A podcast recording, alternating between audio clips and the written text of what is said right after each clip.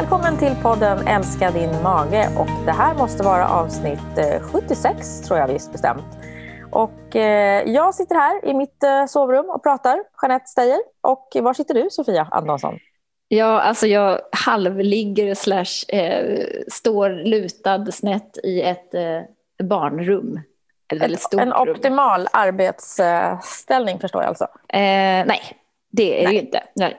Eh, men så är det ibland. Eh, jag eh, har ju då, jag tror jag har fått din rygg faktiskt. Om jag ska... ja, men tack, jag har den kvar själv också, jag känner jag. jag delar med mig. Ja, ja det, det här är, alltså jag har ju sånt ryggskott så att eh, oh. jag funderar på om det här någonsin ska gå över. Jag är just nu mm. ganska tröstlös faktiskt. Mm -hmm. Typ som ja, det... att det här kommer aldrig bli bra. Jag ser min ja. mamma framför mig, hon och hennes jävla ischias. Hon kunde aldrig dammsuga för hon hade ischias. Jaha, men det är inte det värsta i och för sig då, att man inte kan dammsuga. Det, det kan Nej. man Hon hade ju ändå liksom återkommande liksom, eh, ryggbesvär som jag känner att det där vill inte jag ha. Tack. Det vill man inte ha. Och vad, vad, vad är det vi ska göra då? Nej, men det här är ju ett tecken på... Vi ska på... träna core. Ja, exakt. Det är det vi ska. Ja, det har vi fattat nu. Stillasittandets sjukdom som jag har ja. drabbats av. Mm. Och sen så plötsligt att man gör någonting som man inte brukar göra kanske. Ja. Efter att man har suttit stilla väldigt mycket. Yes. Och, um, mm. Ja, nej, och sen det här med att träna upp sin core, den är ju ja. så himla viktig.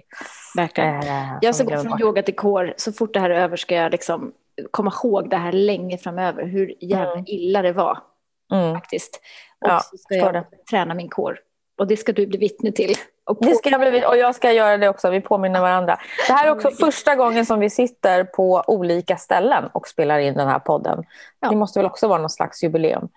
Vi har ju eh, ett tråkigt jubileum. Ja, precis. Vi har ju trots coronatider ändå jobbat och träffats. Eh, eh, men på grund av att jag fick en elak förkylning som inte var corona, jag testade mig ganska snabbt, har vi inte kunnat träffas, för den vill man ju inte bli smittad av ändå. Nej, men alltså så många som ändå är sjuka och som inte är smittade just nu. Ja, inte. väldigt mycket långdragna förkylningar. Mm. Så nu mm. provar vi det här. Fast jag eh, hoppas vi ses snart så vi kan spela in podd. Det är mycket ja, roligare. Det gör vi ganska snart. För vi ska nämligen ha, ha ett eh, vi ska ha webbinarier kommande vecka och vi ska ha massa ja. på Belly Balance här ju. Spännande. Eh, ja, så att vi kommer att ses. Var så säker på detta.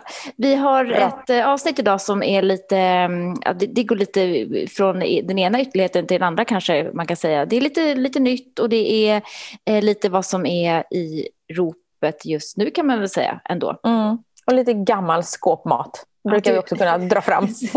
du, du, hade något gammalt där. Nej, du har faktiskt något nytt. Du har lite ny, nyheter om FODMAP eller lite nya recept. Ja, lite nya recept jag tänkte prata lite om. Ja, ja precis. Men ska vi börja och bara eh, tala om eh, en otroligt viktig eh, händelse som ju då mm. var kanelbullens dag. Nej, det var faktiskt inte en viktig händelse. Men det hände sig då för, för några veckor sedan att det var kanelbullens dag. Mm. Och eh, då är det ju så att eh, de här rosa banden, oktober är rosa bandet eh, månaden nummer ett ju. Eh, och då gör ju företag olika samarbeten etc. med varandra. Man sätter små rosa band på olika morötter och ditten och datten. Och så hände det sig då att man gick förbi en liten rosa låda full med kanelbullar.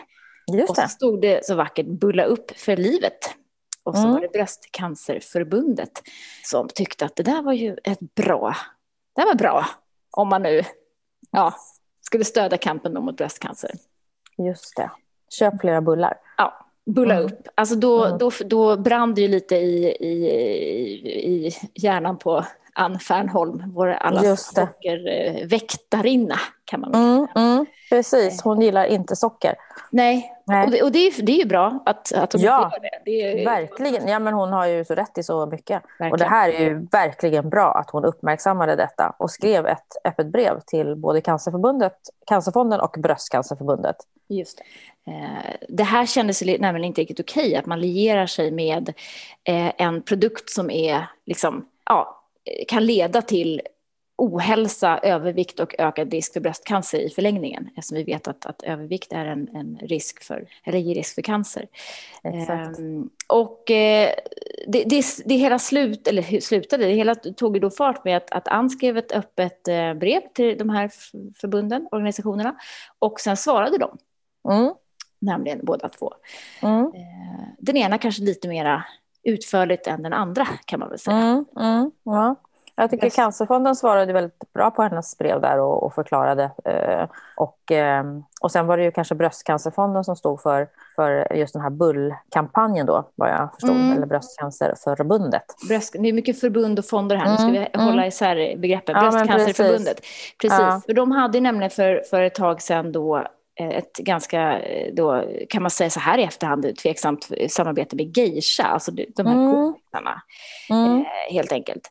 Eh, och eh, nu har de då avslutat det, men då tycker de att det är okej att, eh, att profilera sig med varor då som innehåller mindre än 15 gram socker per 100 som är okej att äta ur, ur cancerperspektiv, vilket ju också är ganska konstigt, kan jag tycka.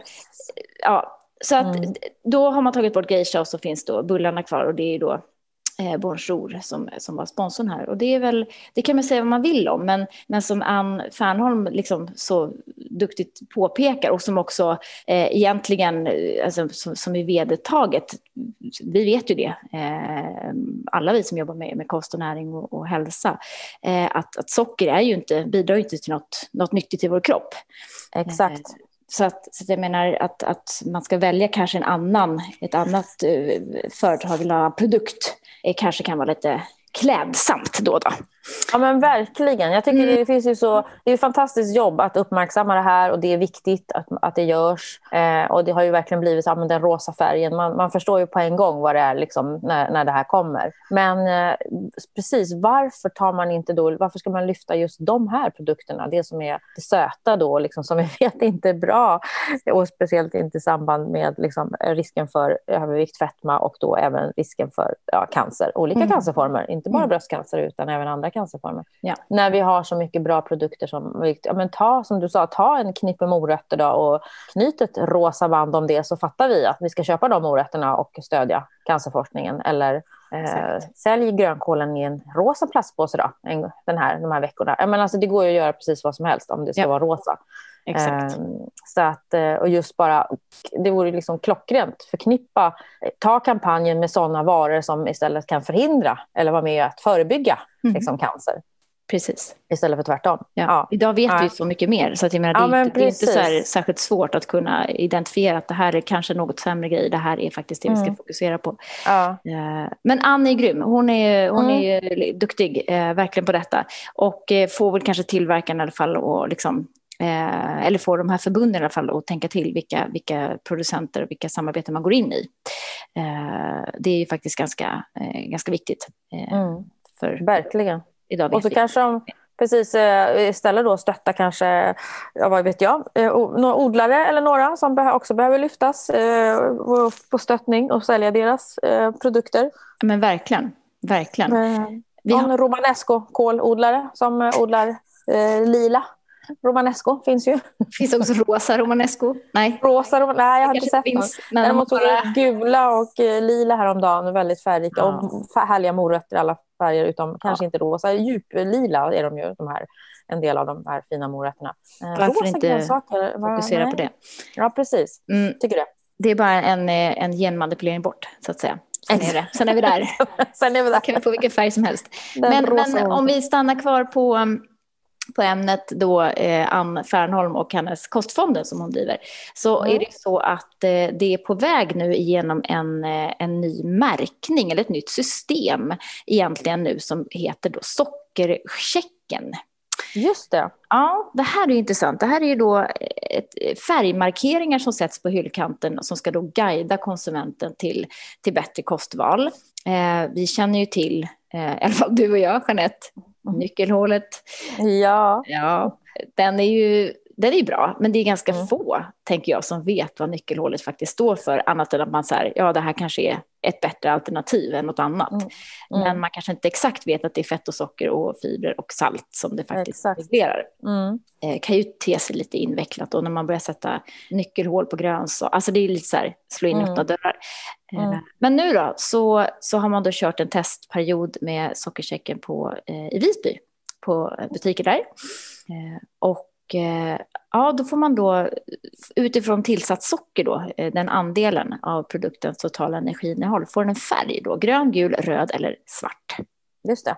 Det är ju väldigt drastiskt den här svarta. Ja, det precis. Det är verkligen don't go there. Exakt. Man får, Det är jätteroligt.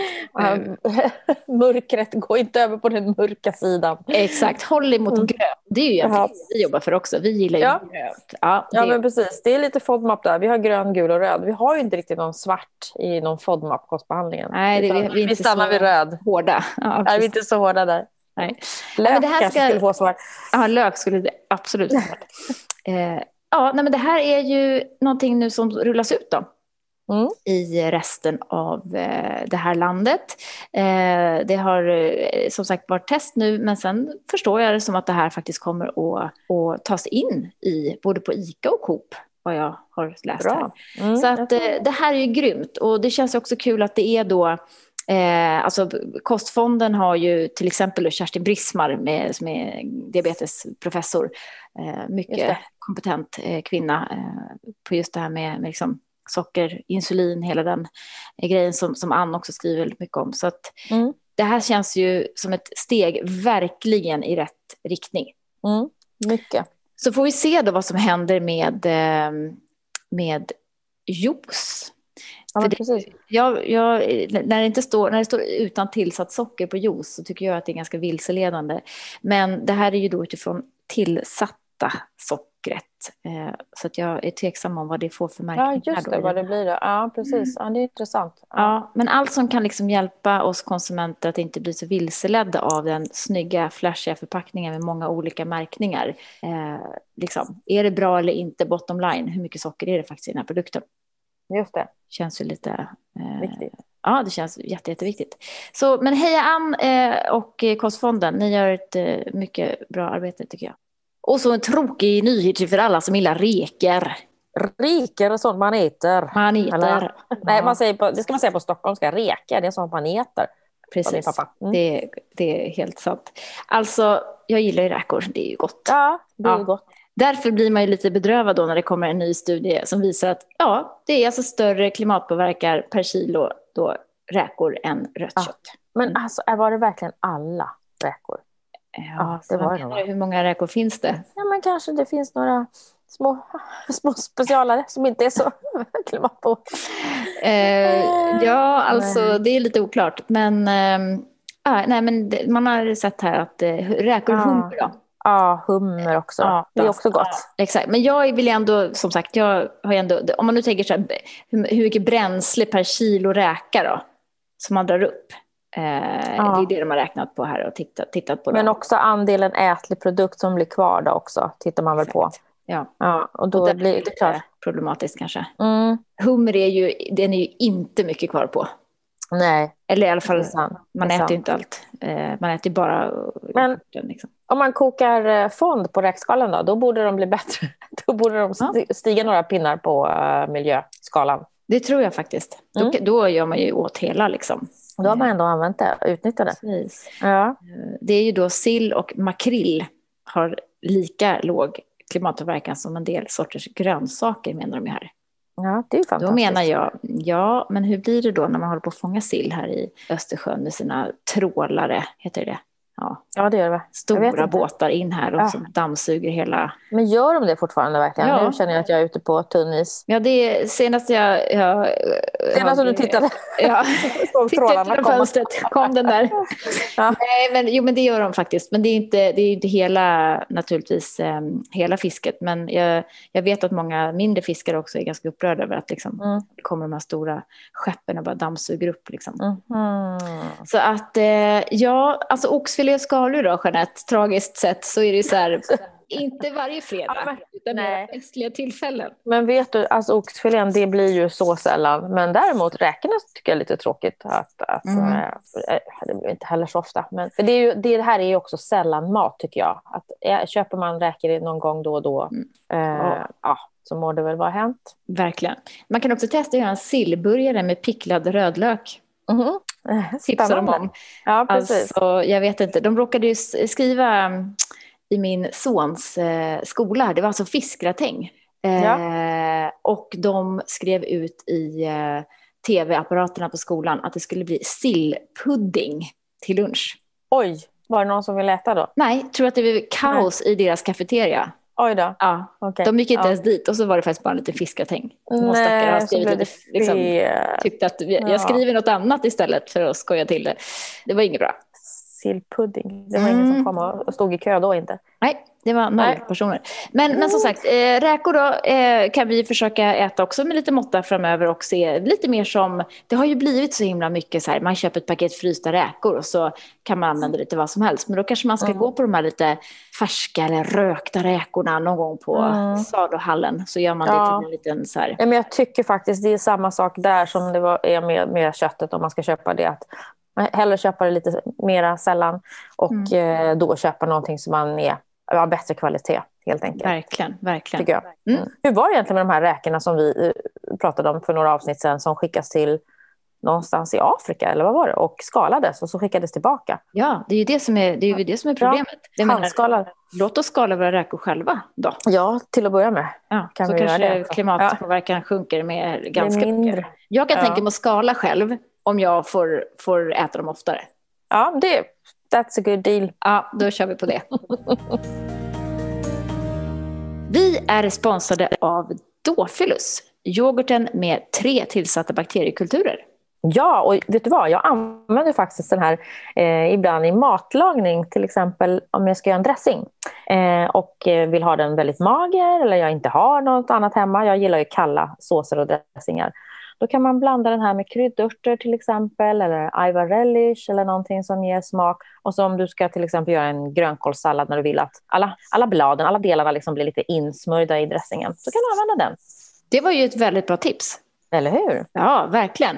Och annars gillar vi att man provar det här under en period. För dig som aldrig provat Dofilus så kör 2,5 deciliter eh, per, eh, per dag och se Eh, efter en period och se hur det känns i magen. Det är många som tycker att det här är väldigt, väldigt bra tillskott av eh, goda bakterier. Så testa Dofilus. Vi är också sponsrade av Alflorex, ett probiotiskt kosttillskott med bifidobakterium longum 35624 och som också rekommenderas av VGO, World Gastroenterology Organization. Bifidobakterierna vet vi ju eh, är lite lägre hos personer med IBS av någon anledning från start. Eh, och bifidobakterierna är ju viktiga för att minska inflammationen i tarmen och hjälpa till att bryta ner vissa FODMAP-molekyler och också öka produktionen av smörsyra som vi också är, vet är viktig för tarmens täthet. Eh, vi vet också att eh, under den första elimineringsfasen med FODMAP så har ju bifidobakterierna i tarmen en tendens att bli lite färre eftersom vi plockar bort en del mat till dem. Eh, så att eh, är ett mycket bra tillskott för dig som har IBS och som också följer FODMAP. Och då är det så här att eh, vi tycker att du ska ta den med mat då ökar överlevnaden av bakterierna ner i tarmen. Och gärna med lite yoghurt. Eh, prova i fyra, gärna åtta veckor innan du gör din utvärdering. Eh, och så får du känna hur det känns. Så prova Alflorex. Vi byter ämne och pratar nu här en stund framöver om någonting som heter oxalater och salater. Och vad är det? Ja, det är någonting som är ganska i ropet just nu. Det mm. går ju under, under epitet växtgifter och eh, antinutrienter får man väl ändå gruppera in oxalaterna som. Eh, mm. det är ju kanske ingenting som, som vi har liksom använder jättemycket i, i behandling som dietister. Nej. Vi pratar nej. inte så ofta om det. Nej. nej. Eh, det finns ett par väldigt ovanliga tillstånd där man eh, mm. behöver äta lågoxalatkost till exempel. Eh, på grund av olika anledningar. Ofta är det ju då relaterat till eh, njurarna som inte kan göra sig av med mm eh, med tillräckligt av, av eh, bland annat kalcium då som är kopplat till, till oxalater.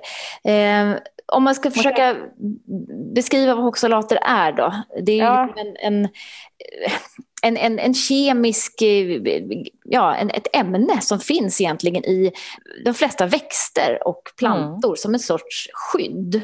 Ja. Eh, de måste de flesta försöka... växter har ju sina egna skydd liksom i sig. Mm. Mm. Det är som lektiner i, ja. i baljväxter eller liksom fytinsyra eh, liksom i sädesslag och sådär. Mm. Ehm, så är det då så att vissa livsmedel innehåller då oxalater eller oxalsyra. Det är samma sak. Ehm, och eh, vi får i oss de här via kosten men vi har också en viss produktion i lever. Men den är väldigt liten. Det vittnas om att att oxalater är rostlösande och att de används inom, som rengöringsmedel inom industrin också. Så det är mhm. potenta mm. molekyler vi pratar om. Mm, alltså mm. ja, syra liksom, brukar vara det, olika ja. grad kan man säga. Exakt. Mm. Eh, och det är nämligen så att i kroppen då, eh, vad gör de med oxalaterna? Jo, de kommer ner i kroppen och så är de liksom, de snor mineraler kan man säga. Eh, de binder olika mineraler till sig, kalcium, zink, järn. Eh, och ehm, det blir problem. Dels för att vi eventuellt får näringsbrister då. Eh, mm. Snor de här näringsämnena ifrån oss. eller så bildar de då ehm, ja, olika föreningar med de här mineralerna. Och då bildar de ju sådana här små kristaller. och de kan växa bli ganska stora. och då pratar man om kalciumoxalatkristaller till exempel som är kalcium är väldigt benägen att binda till oxalat, eller om det är tvärtom, oxalatet binder gärna till kalcium. Något mm. av dem, de gillar varandra mm. mycket. Och eh, då kan man få njursten. Eh, kalciumoxalater ligger väl bakom större andelen av alla njurstenar. Det är ju helt vedertaget. Att eh, har man en ökad benägenhet att bilda, bilda njurstenar då, så, så bör man väl kanske mm. fundera på var, varför det är så. njurfunktion, ja, att ja. man ska begränsa sitt intag av oxalsyra. Exakt, precis mm. eh, och vi kissar ju då ut Eh, och oxalater, de går också ut i avföring med 100 milligram per dag ungefär. Då. Eh, och då kan man ju fråga sig, hur mycket är det då? Ja, alltså det är ju egentligen eh, helt beroende på vad man äter och det är egentligen så den här debatten har kommit upp kring oxalater eftersom vi nu i den här tidseran vi lever i dricker väldigt mycket grönsaker. Vi äter väldigt många livsmedel året runt som för bara liksom 20-30 år sedan fanns väldigt begränsade årstider. Ehm, och då får vi i oss mycket, mycket mera oxalater. Mm. Ehm, jag tänker ju närmast då på spenat som vi kanske är det mest liksom, oxalatrika livsmedlet. Mm. Och man brukar ju nämna spenat, rabarber, ja, rödbetsblad, det brukar man mm. prata om också. Mm. Kaka och, eh, kakao och karamboll, den här frukten. Just det. Man också, eh, som de som kanske lämnas som exempel. Det finns ju fler, men det är väl de som man brukar prata om. Mm. Precis, och har man då en, gör man en smoothie varje morgon med färsk spenat, eh, den blir lite, lite lägre i oxalinnehåll, faktiskt inte så jättemycket om man, om man tillreder den, men, men färsk spenat och så kanske man har lite rödbetsjuice i den där och så har man lite, mm. lite andra eh, blad och sådär, så kan man ganska snabbt komma upp i över 1000 milligram oxalater. Det förstår man själv då, att där blir netto kvar i kroppen 900 milligram. Mm. Och vad ska man göra av, alltså kroppen har ingenstans att göra av oxalater, mm. eh, annat än att försöka lagra in dem då, vad jag förstår, på olika ställen. Ja, eh, och det kan ju ske lite var som helst då, i, i muskler eller leder eller i, i var det kan vara någonstans. Och då finns det då en del som förespråkar då en sån här låg oxalatkost på grund av att det kan bli knas när det här lagras in i kroppen. Och då är ju inte det här vi pratar inte en vecka, liksom, utan vi pratar under lång tid, under många år. Mm. Mm. Eh, och särskilt utsatta då borde ju veganer och vegetarianer vara. Mm. Ja, man kanske jag. ska vara uppmärksam i alla fall på det här att eh, det, det är väl lite grann som, som vi har pratat om tidigare. Eh, när det blir för mycket av någonting så är det sällan bra. Även om det kan vara en bra produkt från starten. Precis. Mm. Eh, och det är ju... Det är ensidigt av något. Precis. Mm. Det är ju så. Och eh, nu är det ju verkligen så här, vi kan ju äta vad vi vill hela tiden, året runt. Mm. Um, och jag menar särskilt spenat också som ju inte blir någonting när man lägger i en smoothie eller om man steker. Nej, precis. Det blir bara ingenting kvar. Um, då är det liksom lite det är lätt att få i sig stora mängder, så kan man ju, det kan man konstatera. Men, men om man då tänker så här, för nu, nu är det säkert många som, som lyssnar som tänker, har jag, är jag oxalatförgiftad? Ja, alltså det, det, som, det som då finns beskrivet, och det här pratar vi oftast mycket nu i, i, inom funktionsmedicin, då, där har man ju börjat titta mer på det här med oxalater. Det finns inga tester, vad jag vet, som man kan göra för att se om man har någon oxalatinlagring eller ja, det verkar vara svårt att se det. Um, det som däremot beskrivs på olika ställen, nu när jag har efterforskat detta och, och gått med i diverse Facebookgrupper bara för att kolla in vad det här är för någonting, mm. eh, så är det ju så att eh, det verkar vara så att om man äter mycket oxalatrik mat och sen helt plötsligt går liksom från, till noll, att man tar bort all oxalat så kan man få som dumpningssymptom liksom, i kroppen, att kroppen mm. dumpa ut den här upplagade oxalatet. Mm. Mm. Um, och det låter ju eh, det låter inte så kul och det verkar inte vara så kul heller. Uh, så det här ska man tydligen göra då på ett väldigt försiktigt sätt om man nu vet med sig att man har ätit mycket oxalatrik kost under en längre tid. Mm. Då kanske man ska gå till någon som faktiskt kan, eh, kan vägleda lite grann här. Och det är liksom alla möjliga symptom som, som de pratar om, som jag har läst mm. om mhm. också. Eh, mm. Grumlig urin är tydligen mm. ett väldigt tydligt tecken på att man kissar ut eh, oxalater ur eh, kroppen. Mm. Okay. Och det är ju intressant, för det är ju kanske inte jätteofta man tittar i, på sitt urin. Nej. Nej, vi tittar eh, mycket på vårt bajs. Men... Ja, men precis. Ja, precis. Men man brukar prata om just det med njurpåverkning så har man ju ibland mm på urinet man kan se. Mm. Ja. Men, men som sagt, vi, vi skapar ingen, ingen panik och eh, oro här, utan det är så här, vi lyfter det här och eh, det här kommer säkert bli jättemycket mera eh, prat om framöver.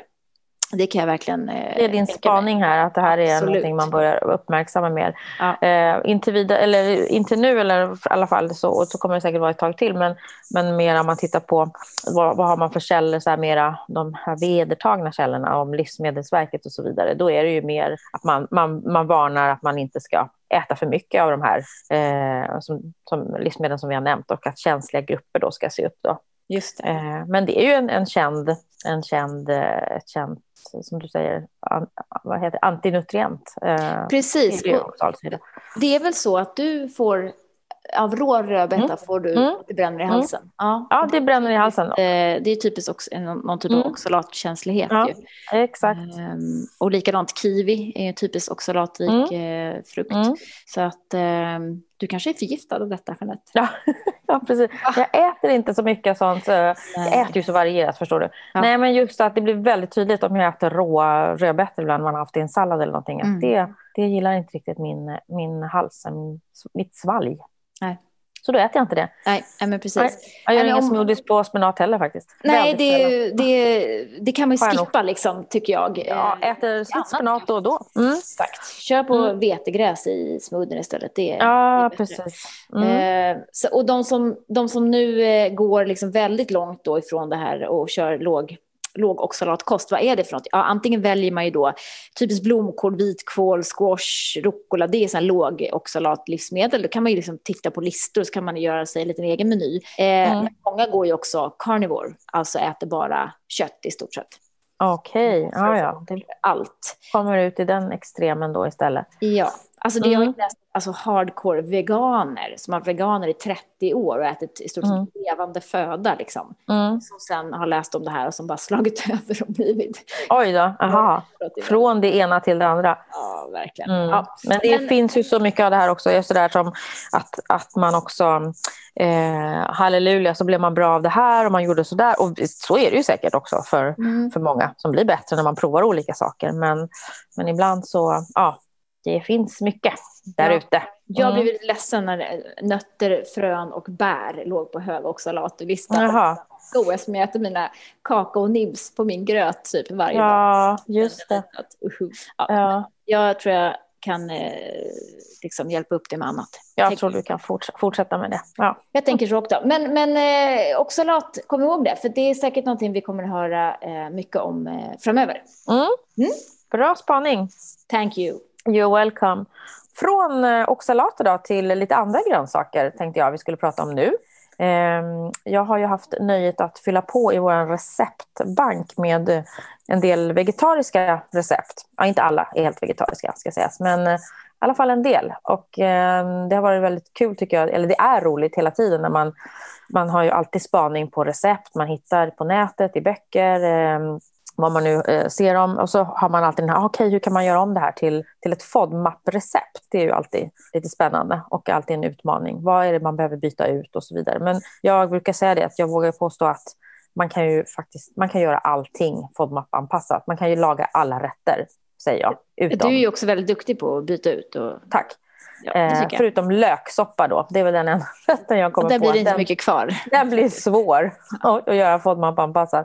Men annars kan man ju göra väldigt, väldigt mycket. Mm. Eh, så jag har, eh, jag tror jag började här, det var väl för ett tag sedan, och den var ju inte helt vegetarisk, men det blev väldigt gott. En pankopanerad fisk eh, mm. med rostade grönsaker och korianderdipp. Mm. Och det är också så kul tycker jag, för där är det broccoli, spetskål i. Och det är sådana tacksamma grönsaker att eh, rosta i ugnen utan att man behöver i stort sett ingenting mer än att bara lite olivolja, salt och peppar och så blir det så fantastiskt gott. Mm. Eh, och sen är det också så att allt som är panerat är ju gott. Det är ju bara så. Det är ju, exakt, det är allt, det är allt med smör är ju oftast gott. Också gott. Så det är sen gammalt, så att det, det går inte att komma ifrån. Mm. Och då finns det ju eh, nämligen en glutenfri panko-panering. Just det. Eh, inte för att vi, eh, som vi brukar säga då i FODMAP, att vi, man behöver ta bort vete på grund av gluten, men man vill ta bort vete på grund av de fibrerna som finns i. Och där finns det då en, en sån här panko. Och just panko gör ju att det blir väldigt frasig panering, så den är ju super att använda när man vill ha liksom det här, vill åt det här frasiga spröda. Eh, och de här recepten går att hitta på, eh, som medlem hos oss. Då. Så är du medlem och hör det här så gå in och kika på de nya recepten som har kommit in under vegetariskt. Jag gjorde även en, eh, en rätt som jag också hittade som jag gjorde om lite grann för att det är ju känt att eh, svamp då är ju hög FODMAP förutom konserverade champinjoner som ju är låg FODMAP och som går att använda. Eh, och det är ju inte så ofta man använder konserverade champinjoner längre. Det känns Eller? lite som en gammal pizza. Ja, Historia. lite grann så. Alltså, jag använder ju inte i alla fall konserverade champinjoner.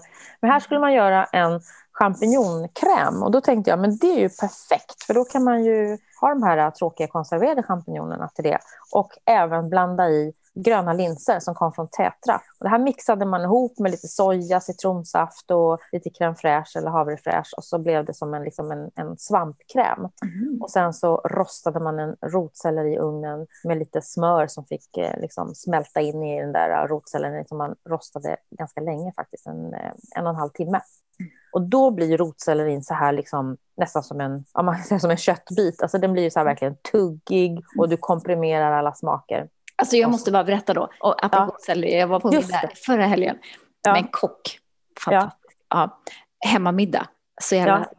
trevligt, alltså fenomen och alla är svältfödda också. Ja, och kockarna kom och lagade mat där på plats. Ja, alltså han var grym. Och då åt vi till förrätt. Vi fick varsin rotselleri som var bakad i 300 grader i 24 timmar. Ja, men det låter helt crazy. Var det någonting ja. kvar? Ja, det var en matsked typ. Nej, men Så alla fick varsin rotselleri Man bara, i, i, i, en soppa liksom. Ja. Med sparris som var fermenterad ja. i två år. Okej. Okay. Oj då, det, tog, det var lite slow cooking det där. Då. Ja. Eh, snacka om. Ja, ja. Men i alla fall, rotselleri är ju eh, supergott och, ja. i, i. Gud vad spännande. Ja, mm. men det, här var, det här gick lite fortare, men ändå en och en halv timme, det är ändå ganska lång tid tycker jag. Mm. Att, rosta en, när man lägger i den, man delar den bara på hälften och så lägger man in den i ugnen. Eh, och sen så eh, man, fördelar man lite smör på den som får smälta in och så ligger den där och rostar. Ja, den blir så god. god. Mm. Och där, på den här rätten är det däremot, strösslar man över några spenatblad, men i eh, färsk form, så det är inte någonting man mixar ner i något, så man får också Man tuggar ordentligt på varje spenatblad. Ja, Sen har jag gjort lite andra goda saker, mm. eh, någonting som du har provat tidigare, aubergine-rullar med eh, en feta och keso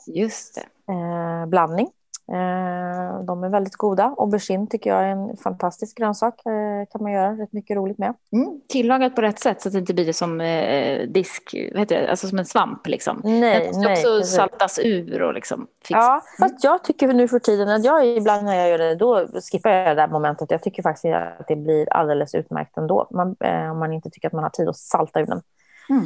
Quinoa-biffar har jag gjort några. Mm. Väldigt goda. Eh, vi gillar ju quinoa. Eh, det är mm. FODMAP-vänligt och det är fiberrikt, bra fibrer. Ehm, och där hade man även husk i de här biffarna. Ehm, man blandade ihop det, fiberhusk, så det blev riktigt goda biffar också. Mm. Och så eh, hade man riven ost i, det gör ju också saker, det vet vi ju. Ost, då blir saker och ting goda. Mm. Sen det sista jag gjorde det var väl um, de här um, potatisskivorna, slantarna som jag kryddade med vår egen taco eh, kryddblandning som man rostade i ugnen och sen lät man dem ligga på plåten och så gjorde man några goda såser till. Såser till. Så det blev istället för nachos kan man säga en, en nyttigare variant på nachos. Gött. Eh, med potatis. Ja, väldigt gött. Och så kunde alla satt och plockade bara sina potatisar och eh, såser och doppade och dippade lite och sådär. Det var trevligt. Trevligt. Mm. Så att, och där är just också att det blir, både med den tacokryddan blir väldigt bra och sen att man kan använda då våra, våra oljor, vitlöksolja, lökolja, när man lagar mat, just för att ersätta lök och vitlök också. Så att, eh, Bra ja, jobbat tycker jag. Jag fortsätter. Bilder. Mm, du är ja, superduktig, verkligen. Ja, tack, tack, tack, tack. Jättekul. Det är som en egen matfotograf i huset. men det, problemet är ju när man ska fota och man måste ha ljus. Så det här ska ju helst för sig gå på dagstid. Ja. Ja. Det, det, du, du, måste göra Vi, det på dagen. Du kan inte jobba ja. kväll, kväll och nätter. Nej, nej, precis. Jag ska sluta med det. Ja. ja, så gå gärna in också i webbshoppen och kolla in. För där har vi just de här kryddorna. Även örtsaltet har jag använt också nu när jag lagar mat. Eh, vissa rätter funkar alldeles utmärkt. Och våra oljor är ju fantastiska. Ja, och sen har vi ju äntligen fått in våra fantastiska bars igen. Ja! Det är, de har varit slut ganska länge och våra jordgubbsbars har gjort comeback efter flera år. Eh, jättekul och de är ju ja, verkligen. supergoda. Eh, enda bars-alternativet på marknaden utan sötningsmedel eller eh, konstiga fibertillsatser, så de är faktiskt FODMAP-anpassade. Eh, vi har också ett startkit i vår webbshop som just nu om jag inte har fel information, heter limited edition. Vad det betyder, det får ni faktiskt gå in och kolla själva. Men det är lite smått och gott extra nerpackat i den här påsen för er som vill kolla in det. Vill ni veta mer, eh, som sagt gå in på hemsidan bellybalance.se, ladda ner appen då, Belly Balance heter den också. Och här har vi hela vår behandling egentligen. Ja, och massor av saker. Behandlingen, vi har recept, vi har veckomenyer, vi har skannen, Alltså, vi har ju så mycket där. Vi glömmer bort att vi har så mycket där. Det är ju fantastiskt. Ja, det är det. Och det är vår en, behandling är ju där. Ja, en fullskalig mm. IBS-behandling eh, i elva steg och eh, du får hjälp på traven och det finns forum och det finns dietister som är där och det finns rubbet. Så att ladda ner den och testa. Första fyra stegen är ro, eh, gratis eh, och då får man faktiskt väldigt mycket med sig där i, i form av dina och mina bästa råd och hopkok när det gäller då ehm, hur magen funkar, varför man får IBS, vad man liksom ska göra åt det och, och få lite mer liksom kött på benen. Vad är det för någonting jag har här egentligen? Så att, eh, det kan man testa om man känner sig lite osäker på om det är faktiskt IBS man har. Det är många som, som eh, är där. Precis. Vi vill också tacka Mag tarmförbundet som den ständiga sponsorn av den här podden. Tack för det. Magotarm.se går ni in på om ni vill veta mer om dem. Jag tror att det var allt. Det var det va? Ja. Vi lyckades, även på varsitt håll. Ett, en badkammare och ett sovrum. Ja, kanske kan jag lyckas resa mig från stolen nu också Åh, på slutet. herregud, ta det, det lugnt nu. en ja. pers kan jag säga. Ja. Men hörni, mm. tack så hemskt mycket för eh, nu. Eh, vi är ju snart tillbaka igen. Det är vi, med ja. garanti. Ja. Hej, hej. Hej.